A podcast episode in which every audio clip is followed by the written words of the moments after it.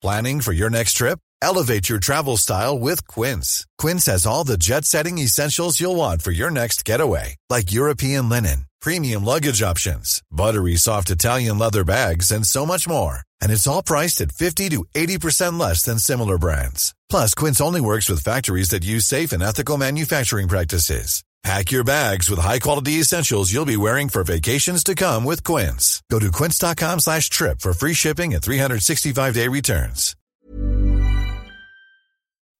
Denne episoden av Hans Petter Co. er en annonseutgave som presenteres av Doolittle. Doolittle er et norsk teknologiselskap som elsker å ta kompleksiteten ut av tjenesteutviklingen og samtidig styrke forbindelsen mellom business og teknologi. Gå inn på doolittle.com for å lære mer om hvorfor det er smart å utvikle tjenester og applikasjoner basert på hendelser, basert på en eventdrevet arkitektur.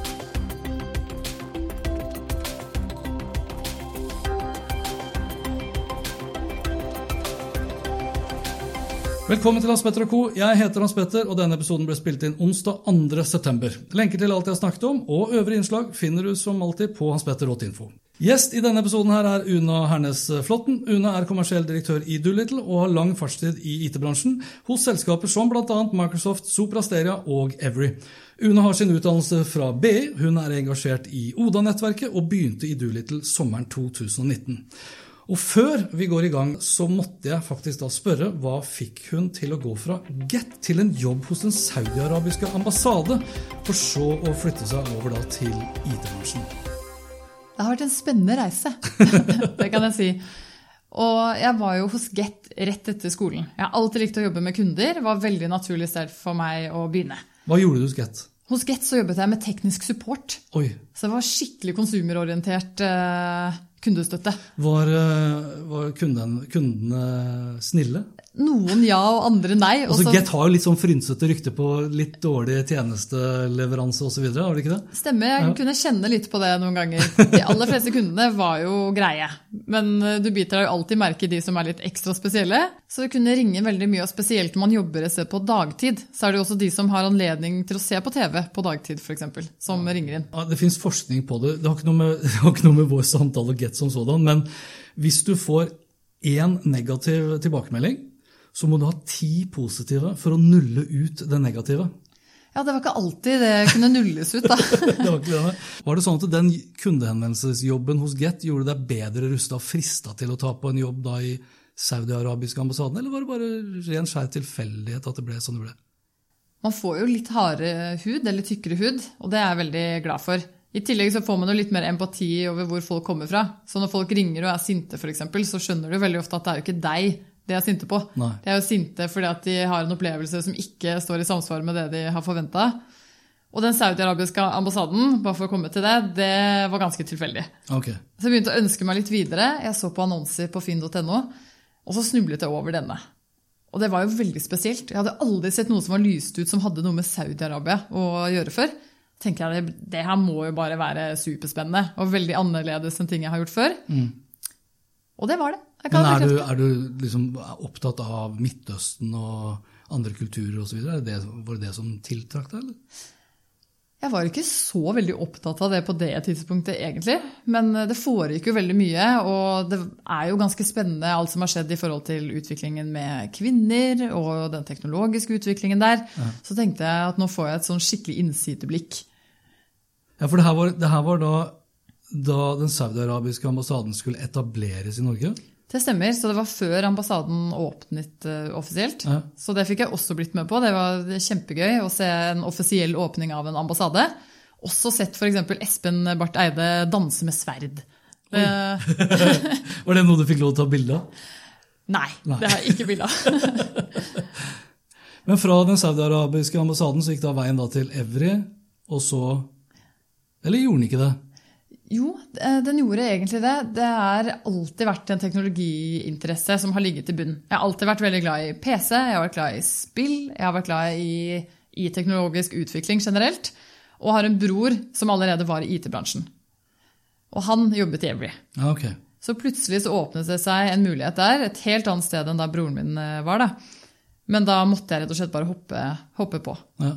Ja, For det er, jo ikke mange, altså det er jo ikke mange kvinner i norsk IT-bransje. I mange tilfeller hvor det er kvinner i norsk IT-bransje, så jobber de kanskje da med eh, administrasjon eller markedsføring. Men din inngang var på teknologisiden, eller? Min inngang var på teknologisiden. Ja. Så hos Every så måtte jeg også begynne for å forstå teknologien, i, i og med at jeg ikke hadde noen teknologierfaring fra før. Så jeg begynte på teknisk kundestøtte, og så ble jeg veldig opptatt av hvordan man løser ting som går galt. Og da ble det videre inn i major incident management, eller krisehåndtering. Okay. Og det syntes jeg var ekstremt spennende. Og etter noen år med det så begynte jeg å lure på hvordan unngår man at det skjer kriser i utgangspunktet? Ja. Hvordan bygger man for fremtiden? Hvordan unngår man at ting går og skogen? Ja, riktig.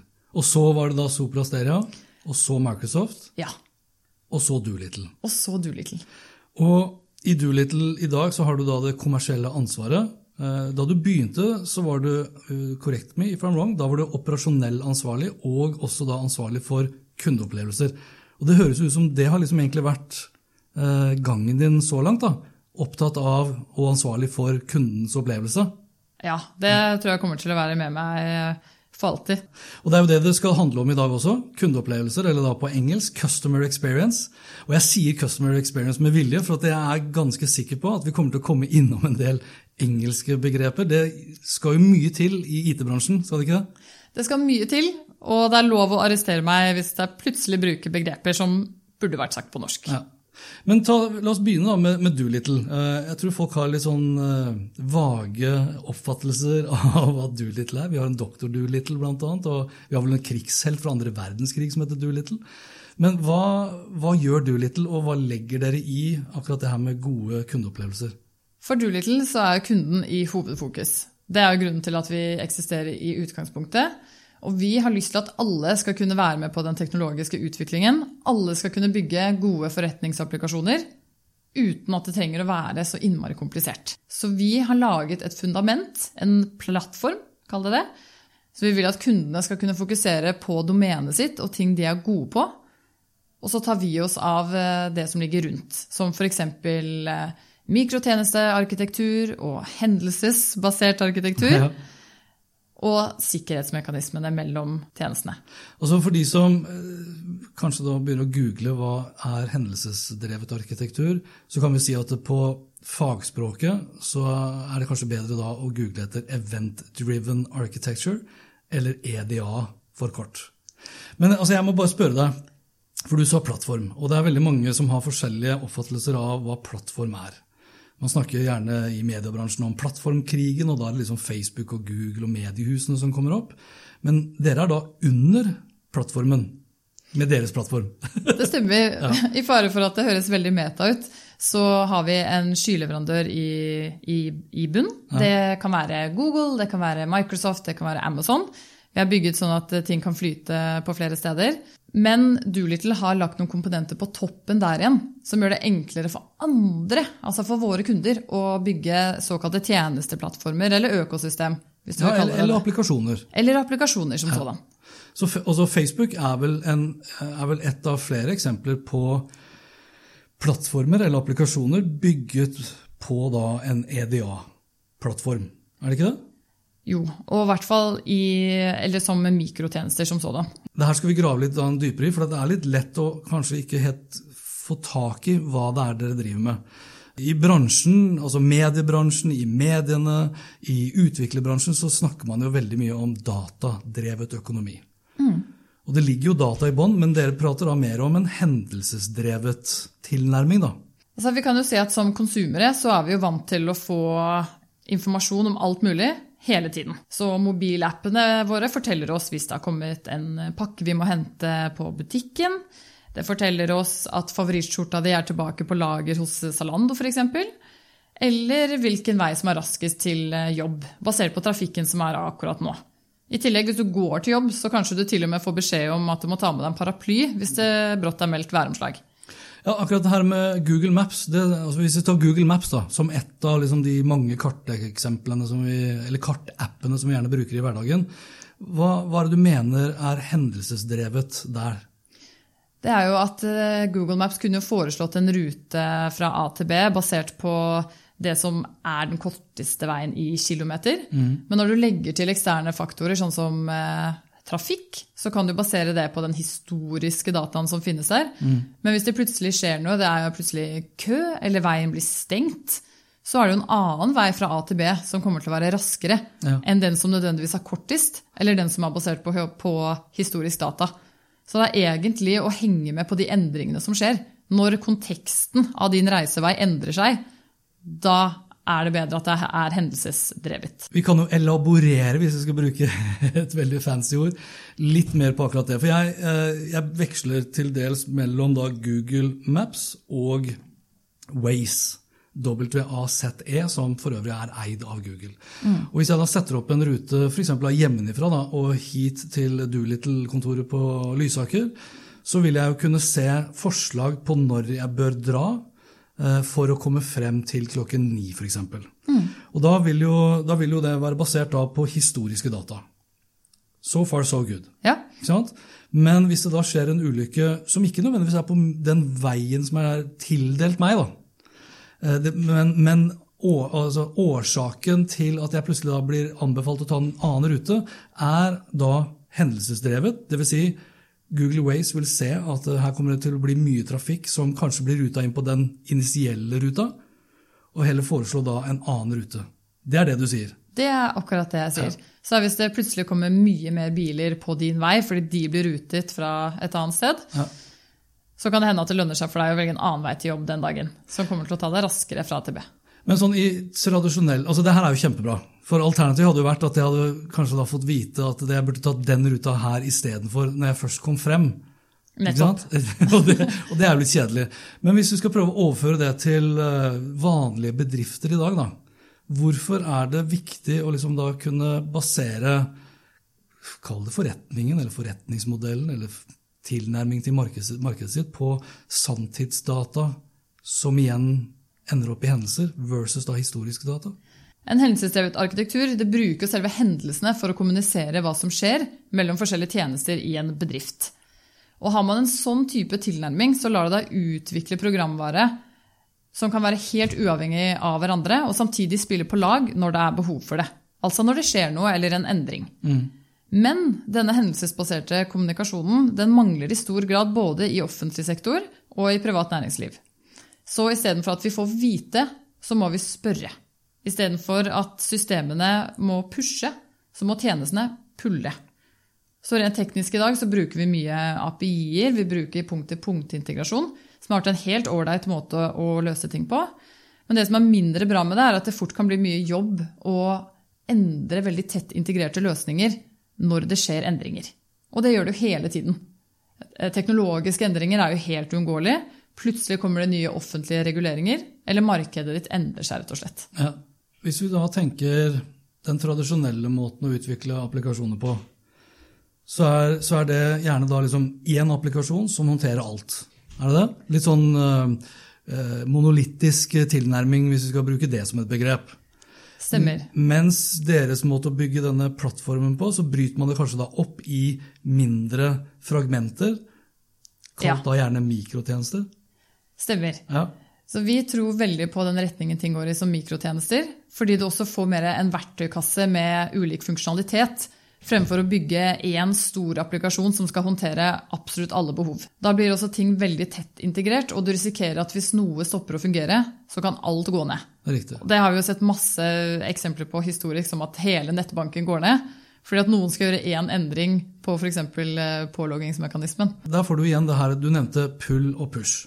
Jeg har bare lyst til å ta litt dypere inn på det. For hvis vi tar tilbake da eksempelet med Google Maps eller Waze igjen, da, så trenger jo ikke jeg, når jeg sitter og kjører bil og har liksom staket ut en kurs fra A til B, så trenger ikke jeg da å spørre hele tiden om det har skjedd noe. Jeg får heller da beskjeden til meg hvis det er relevant for meg. Ja, så jeg tror de aller fleste har opplevd at du kjører fra A til B, og så plutselig så endrer GPS-en seg. Så tenker du hvorfor eh, sier den at jeg plutselig skal ta av der? Det har jeg ikke gjort før. Og så er det fordi at den har oppdaget at noe har endret trafikksituasjonen, som gjør at det er raskere for deg å ta en avkjørsel eh, tidligere. Og i, i eh, altså Facebook kan jo være ett eksempel, men la oss ta type netthandelssammenheng. da. Så er det jo mange hendelser der. En ting er at jeg, liksom, jeg, kan logge meg på, jeg kan legge inn en, eh, en, ordre, jeg kan betale, jeg kan sjekke ordrestatus, jeg kan få beskjed om at nå er liksom pakken blitt pakket osv. Er det da eksempler på mikrotjenester, eller? Det er både eksempler på mikrotjenester, men også på hendelser. Så at du har lagt inn en bestilling, er jo en hendelse. At den skal bli pakket nå på varelageret, er en hendelse. Ja. At den er ferdig pakket, er en ny. At den sendes, er en annen. At den har kommet postkontoret, kan være en. Men det er ikke alle disse hendelsene som er relevante for deg. Nei. Men du trenger bare å vite er den forsinket, så er det fint om du får vite om det. Og det er supert når du får vite at du skal hente pakken. Sånn at den ikke blir sendt tilbake til posten. Riktig. Men da i en sånn monolittisk uh, tilnærming så ville f.eks. hele nettbutikken vært nede hvis f.eks. det å logge seg på ikke funket. Ja. Så der, man, det kan der, være konsekvens. Så der bryter man da det her heller da ned i mindre tjenester. Ja. Sånn at hvis påloggingen eller innloggingen stopper å fungere, f.eks., så burde ikke det påvirke de som allerede er inne og handler. Nei, riktig. Og Hvor mange er det som gjør det her nå typisk i dag? da? Det blir mer og mer vanlig, og så har veldig mange en kombinasjon. Så det er samtidig viktig at når man skal bygge nye, kule løsninger, at det kan fungere med ting du har fra før. Så det er ikke alle som har mulighet til å putte absolutt alt de eier og har, i skyen med en kjempekul og ny og fremtidsrettet arkitektur. Men alt som er nytt, bør generelt bygges for fremtiden, i tillegg til at det skal fungere med ting du har i dag. Er, altså jeg, jeg, tipper at det er en del som tenker at ja, men vi har jo API-er. Er ikke det, liksom, er ikke det som er ikke, Løser ikke API-en akkurat det vi sitter og prater om nå? API-ene løser mye av det, men det krever fortsatt mye integrasjon. Og det krever veldig mye justeringer og dette med API management. Så det er ikke helt rett fram fortsatt med API-er. I tillegg så vil det jo åpne opp et grensesnitt, fordi at API-er fortsatt er et request response, eller et såkalt pull-versjon av det. Ja, okay. Mens eh, hendelsesdrevet vil jo bare være én tjeneste som bare forteller informasjon som noen andre kan velge å abonnere på. Så det er en sånn slags type abonnementstjeneste. En liten sånn applikasjons-Twitter med informasjon som andre kan abonnere på. Som gir meg da relevante push notifications, f.eks.? Ja, gi, ja, det kan være en endring som skjer i et system, eller det kan være rett og slett en notification. Altså Det vi kanskje da kan oppsummere det som kort, da, det er kanskje den payoffen som vi ser da på doolittle.com. At hendelsesdrevet arkitektur er den manglende koblingen mellom eksisterende produkter og nye ideer. Betyr det i praksis at man nødvendigvis ikke trenger å skrape alt og begynne på nytt for å komme seg inn på liksom EDA-plattformen deres? Man kan nok på mange måter si at det både lar deg beholde det du har fra før, sånn at du kan bruke det økosystemet av tjenester og, og applikasjoner som du allerede har.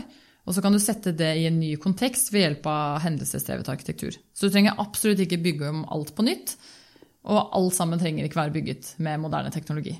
Hvordan er det man typisk ville ha gått frem da, hvis jeg, hvis jeg sitter her som en toppleder eller en, en, eller annen form for beslutningstager eller en IT-sjef. Og så har jeg i dag en ganske sånn tung eh, applikasjon fra før av. Masse API-er, godt integrert med diverse andre tjenester. Og så har jeg lest da på doolittle.com at EDA eh, e er liksom fremtiden. Fordi, og, og, jeg er samtidig også da bekymret da for skalerbarheten til den applikasjonen jeg har. For det er jo litt sånn i dag at veldig mange har bygd en applikasjon fra gammelt av, mm. og så har man bare bygd på det. da. Litt sånn som vi asfalterer veien i dag. ikke sant? Den var fin asfalt for en del år tilbake, og så har det bare blitt masse huller, og så bare lapper man der sammen. Hva, hva, ville, hva ville du anbefalt meg å gjøre? For å komme i gang med en sånn type prosjekt? Jeg tror man burde tenke mye mer i retningen av digitale økosystem, med tjenester som kontinuerlig både tilpasses og endres i takt med markedets og brukernes behov. Så kort fortalt at man burde tenke mindre på lange prosjekter hvor alt er bestemt på forhånd, og mer produktorientert og mer kundesentrisk utvikling. Og når du først har en god idé, begynn lite, begynn med én byggekloss. Sørg for at du validerer forretningsmodellen før du begynner å bygge. Så tror jeg at nordmenn har en tendens til å være veldig defensive og, og forsiktige. Og vi tenker veldig mye på hva vi skal gjøre hvis ting ikke går bra. Og så tenker vi litt mindre på hva vi gjør hvis ting faktisk tar av, og hvis vi faktisk får det til. Så jeg vil si bygg for fremtiden, og bygg noe som er skalerbar fra start. Det sparer så mye hodebry senere, og det trenger ikke å koste skjorta. Og det trenger ikke å være komplisert. Du, du sier at det trenger ikke å være komplisert. Men hvis jeg hører liksom type ny plattform, mikrotjenester, så er det jo snakk om å bryte kanskje da liksom én prosjektgruppe ned i mindre prosjekter, er det ikke det? Og da, da blir det jo gjerne flere involverte. Og det er, det er jo et eller annet i det her med flere kokker, mer søl, eller? Vi alle kan enes om at digitale kundereiser er viktig for å oppnå en bedre bunnlinje. Og hendelsesdrevet arkitektur kan være med å hjelpe til fordi det forenkler integrasjonen mellom tjenester. Mm. Organisatorisk vil det si at det er med på å bryte opp de siloene som vi har hatt i bedriftene i veldig mange år. Og nå begynner det å bli mye mer populært å kjøre um, mer iterative prosesser, sånn som design-sprinter, eller du kjører lean startup, mange driver med agile. Og det er vanskelig å få bare mennesker til å snakke sammen, hvis ikke systemene også klarer å snakke sammen. Er det da en sånn organisatorisk utfordring mer enn det er en teknisk? Da? For vi vet jo alle sammen i dag at Bedrifter i dag sitter gjerne med mye data, eh, men de dataene sitter kanskje litt hver for seg i disse berømte siloene. Om det mm. da er på administrasjonsnivå, eller salg, eller teknisk, eller innovasjon, eller kundeservice f.eks. Så da, da, blir det, sånn, det blir nesten en dobbel utfordring. Det er litt sånn som Nikolai Astrup, daværende, eller forhenværende heter det vel kanskje, forhenværende digitalminister, han snakket jo veldig mye om at uh, data er den nye oljen, og data er gull, men det er veldig mange som behandler det som gråstein. Mm. Så fra, fra liksom ditt kommersielle ståsted, før du kommer dit at du kan begynne med sånne prosjekter, da, så må man kanskje jobbe da enda mer organisatorisk, kulturelt? da? Ja, det vil jeg si. Begynne å tenke på hva er det du egentlig vil med all denne eh, dataen, eller hvor er det du vil med domenet ditt. Og tenke mye mer på hvordan eh, dere skal få til ting som et selskap, og mindre på hva dere skal få til med teknologi. Fordi teknologien må følge etter selskapet. Og det er ikke de ansatte i selskapet som burde tilpasse seg teknologien som brukes. Nei, Så EDA er ikke målet, men det er et virkemiddel for å oppnå? Ja, det er et ja. virkemiddel for å For å oppnå det virksomheten ønsker å oppnå, på et ja. eller annet sett og vis.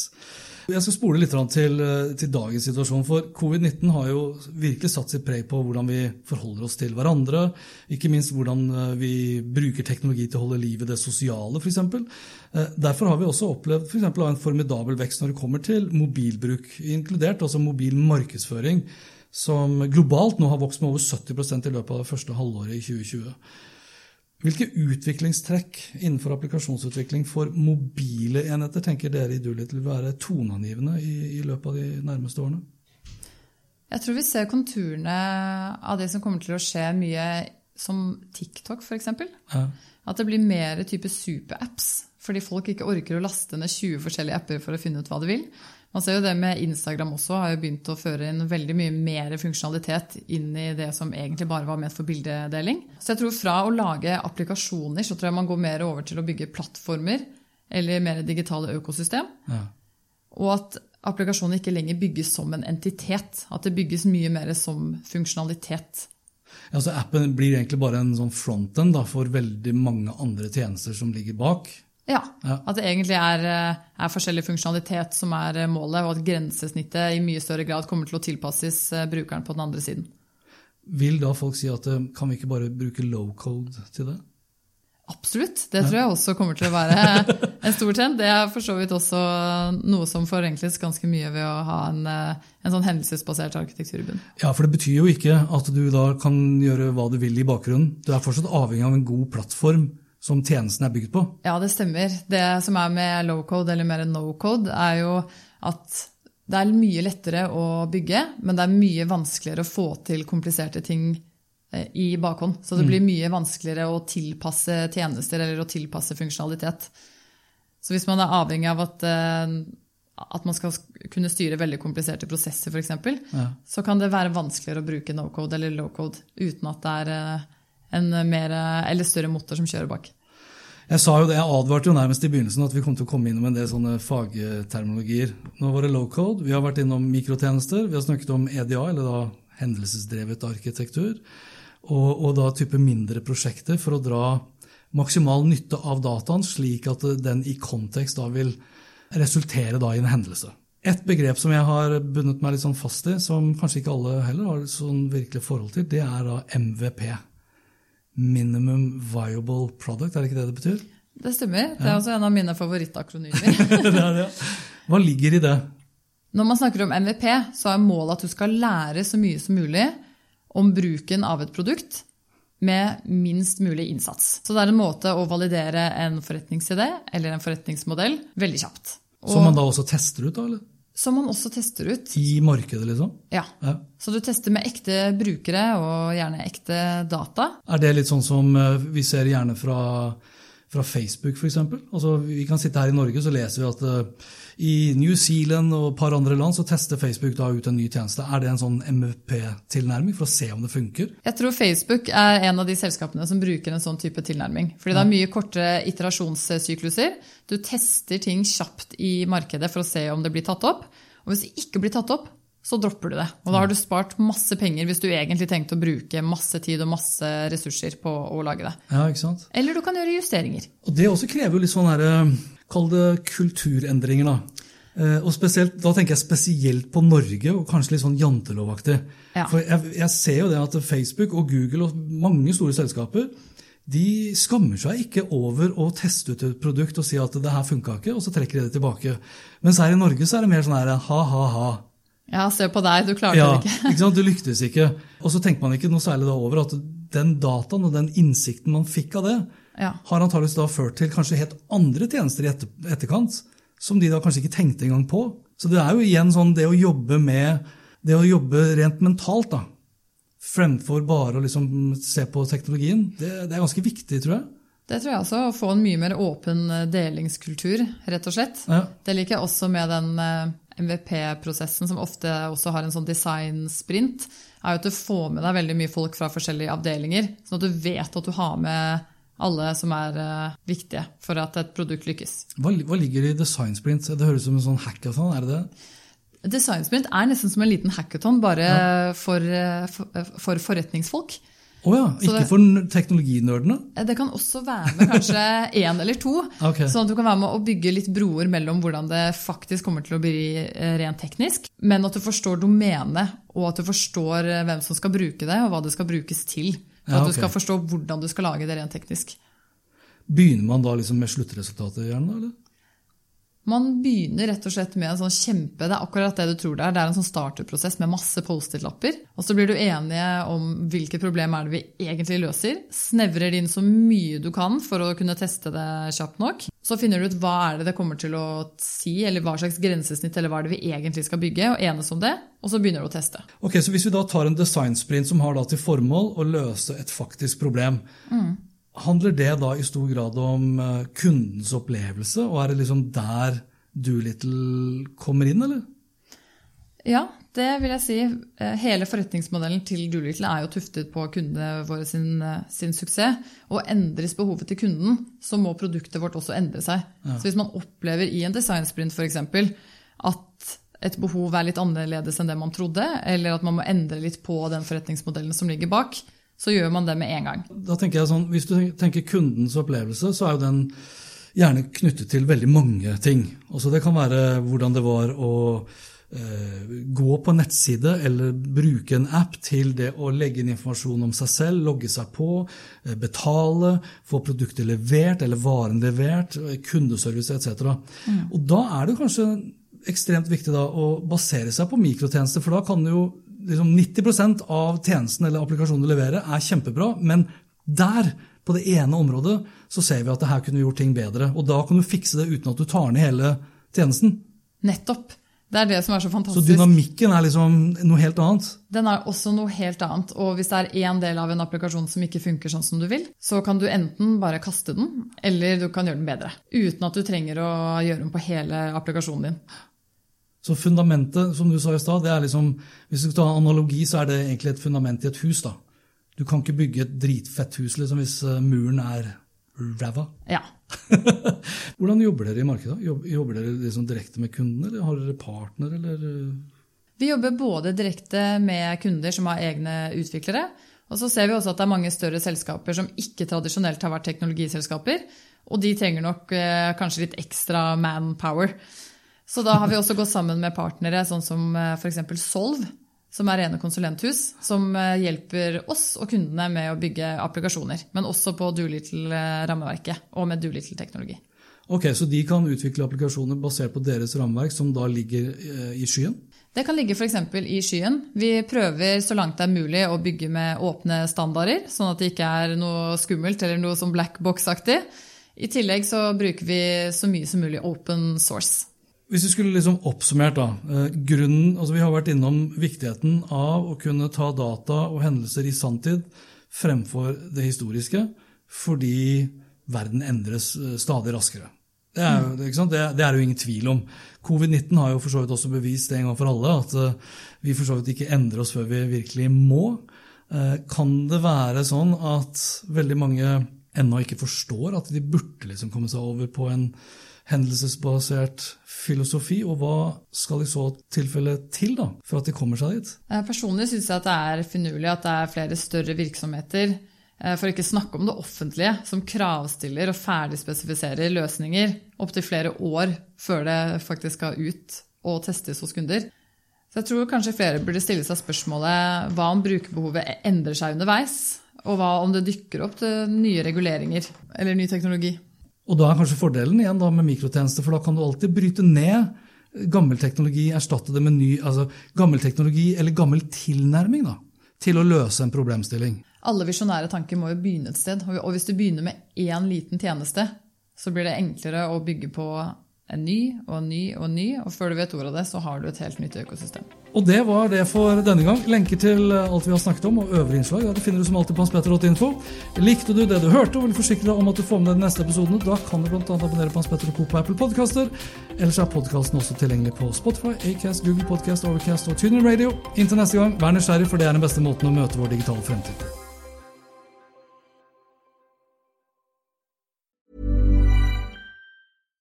My business used to be weighed down by the complexities of in person payments.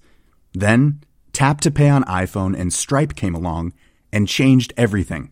With Tap to Pay on iPhone and Stripe, I streamlined my payment process effortlessly. Now I can accept in person, contactless payments right from my iPhone. No extra hardware required. What's truly remarkable is how I can cater to all of my customers' payment preferences. Whether they're using cards, Apple Pay, or other digital wallets, Tap to Pay on iPhone and Stripe ensure a smooth checkout experience every time. And it's not just me. Stripe helps businesses of all sizes, from local markets to global retailers, scale quickly and stay agile. To learn how Tap to Pay on iPhone and Stripe can help grow your revenue and reach, visit stripe.com slash tap iPhone. Hiring for your small business? If you're not looking for professionals on LinkedIn, you're looking in the wrong place. That's like looking for your car keys in a fish tank. LinkedIn helps you hire professionals you can't find anywhere else, even those who aren't actively searching for a new job but might be open to the perfect role. In a given month, over 70% of LinkedIn users don't even visit other leading job sites. So start looking in the right place. With LinkedIn, you can hire professionals like a professional. Post your free job on linkedin.com slash achieve today.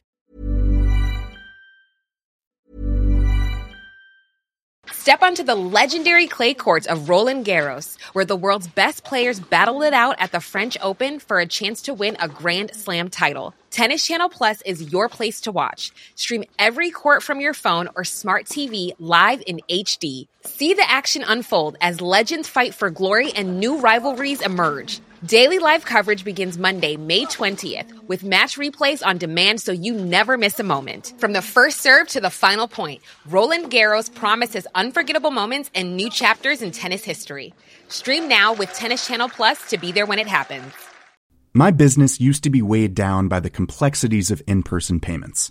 Then, Tap to Pay on iPhone and Stripe came along and changed everything. With Tap to Pay on iPhone and Stripe, I streamlined my payment process effortlessly. Now I can accept in person, contactless payments right from my iPhone. No extra hardware required. What's truly remarkable is how I can cater to all of my customers' payment preferences. Whether they're using cards, Apple Pay, or other digital wallets, Tap to Pay on iPhone and Stripe ensure a smooth checkout experience every time. And it's not just me. Stripe helps businesses of all sizes, from local markets to global retailers, scale quickly and stay agile. To learn how Tap to Pay on iPhone and Stripe can help grow your revenue and reach, visit stripe.com slash tap iPhone.